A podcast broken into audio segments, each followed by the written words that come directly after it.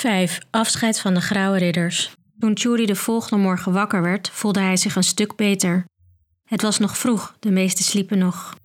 Arwoud lag naast hem. Het witte verband was van zijn voorhoofd gezakt. Ilmar was bezig een pan boven het vuur te hangen, maar Ristrendin en Bendu waren nergens te zien. Churu deed zijn ogen weer dicht. Hij kon nog best even wat slapen. Maar dat lukte hem niet. Zijn hoofd was veel te helder en hij had heel wat om over na te denken.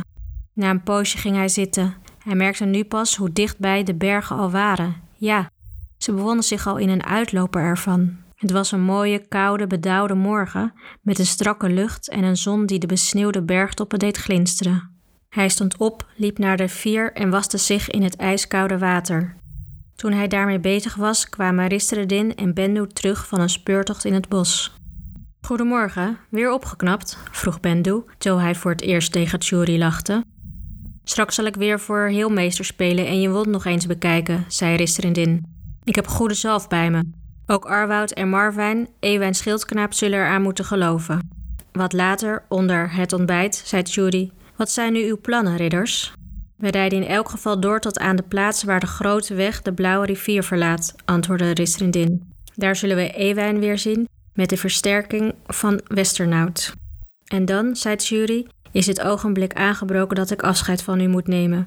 U gaat de Rode Ruiters zoeken en gevangen nemen. Ik moet verder, de Blauwe rivier langs.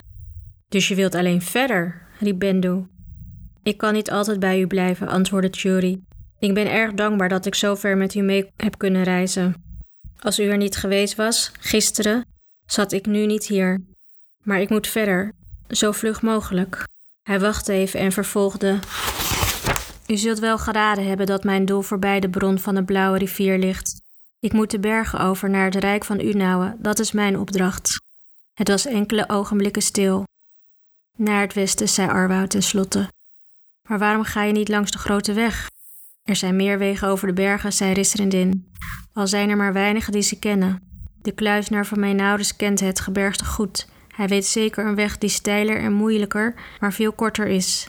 En bovendien een die de vijand onbekend is. En de vijand zal hem niet volgen, sprak Bendo. Daarvoor zijn wij er immers. Wij zullen hier afrekenen met de Rode Ruiters, zodat hij veilig en in vrede verder kan reizen. Dat is waar, zei Ristrendin. Maar ik moet zeggen, Tjuri, dat het me spijt afscheid van je te moeten nemen. Het spijt mij ook, zei Tjuri, maar ik geloof dat het niets anders kan. U zegt bovendien zelf dat ik de Rode Ruiters niet meer hoef te vrezen. Daar sta ik voor in, zei Bendu krachtig. Maar Risredin zei: Onderschat je vijanden niet, Tjuri. Ik wil je niet bang maken en ik ben het eens met je besluit. Maar je moet eraan denken dat het mogelijk is dat de Rode Ruiters vele spionnen hebben. Zij zelf zijn opvallend, maar hun travanten kunnen je ongemerkt gadeslaan, in de gedaante van onschuldige personen, een herder, een reiziger of wat dan ook. Daarom moet je ons in het geheim verlaten, zodat je al ver weg zult zijn voordat ze het merken. Churi voelde zich minder moedig worden. Hij moest zichzelf bekennen dat hij er tegenop zag. Afscheid nemen en alleen verder te gaan. Maar hij wist ook dat het onvermijdelijk was. Hij had nu eenmaal zijn opdracht en de grauwe ridders hadden de hunne. Praten nog een poosje en besloten dat ze samen zouden reizen tot de plaats waar ze Ewijn en zijn metgezellen zouden ontmoeten. Toen kwam er iets anders te sprake. Hoe moet het met Arlewin? vroeg Jury. Kan ik te paard de bergen over? Risterin schudde zijn hoofd. Onmogelijk, zei hij. Zeker niet langs de paden die jij zult gaan. Langs de grote weg zou het wel kunnen, hoewel die ook moeilijk begaanbaar wordt. Dan moet ik Arlewin dus achterlaten, zei Jury met een zucht.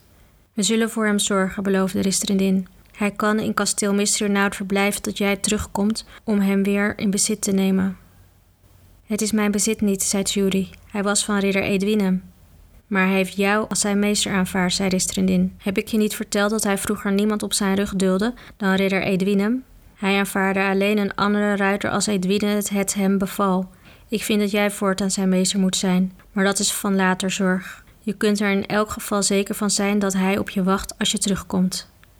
Ik weet wat, zei Ilmar, die al een tijdje met gefronste wenkbrauwen had zitten nadenken. Een van ons moet met Jury van kleren ruilen. Dat zal ik wel doen. En dan zal ik op Ardenwen rijden. Als die het goed vindt tenminste. Zo zullen de Rode Ruiters, als ze spioneren, mij volgen en Jury kan ondertussen ongemerkt zijn eigen weg gaan. Dat is heel vriendelijk aangeboden, zei Judy, maar ik wil niet dat je het doet. Ik wil geen anderen in mijn gevaren betrekken. Ik vind het een goed voorstel, sprak Risterendin, en Elmar moet het ook doen. Als het gevaarlijk is, wat dan nog? Wij zijn allemaal op weg gegaan om gevaren te trotseren. Ik vind Elmars aanbod iets dat een toekomstige ridder past en jij, Judy, moet hem gelegenheid geven je te helpen. Elmar glom van genoegen bij deze woorden en Judy zei aarzelend: Nou goed dan. Elmar sprong op. Nu moet jij Ardewen zeggen dat hij mij op zijn rug moet dulden, zei hij. Laat meteen van kleren ruilen daar achter de rotsblok, zodat geen enkele spion het kan zien. Goed zo, zei Ristrendin.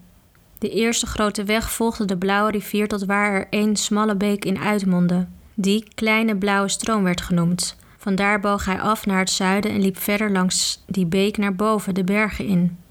Het gezelschap kwam daar omstreeks het middaguur aan en vond Ewijn, de schildknaap en de wapenknecht al op zich wachten. Ewijn vertelde dat de ridder van Westernout zijn krijgslieden uitrustte. Ze zouden voor donker aankomen. Daarna werd er een van de wapenknechts naar Mistrenaut teruggestuurd om zijn heer te waarschuwen voor het geval dat de rode ruiters die kant op zouden vluchten. Ewijn zag Ilmar een ogenblik voor Tjuri aan. De ruil leek dus heel doeltreffend. Er was verder niets waarvoor het afscheid uitgesteld moest worden.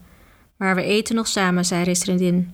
Hoe gaat het met je arm, Tjuri? Oh, daar heb ik geen last meer van, antwoordde Tjuri, niet geheel naar waarheid. De grauwe ridders hadden onderweg hun plannen al gemaakt. Ze zouden hun gezelschap splitsen. Ristredin, Ewijn en hun schildknapen zouden een eind verder gaan langs de grote weg om eventuele spionnen op een dwaalspoor te brengen. De anderen zouden de Blauwe rivier oversteken en nogmaals het bos ingaan.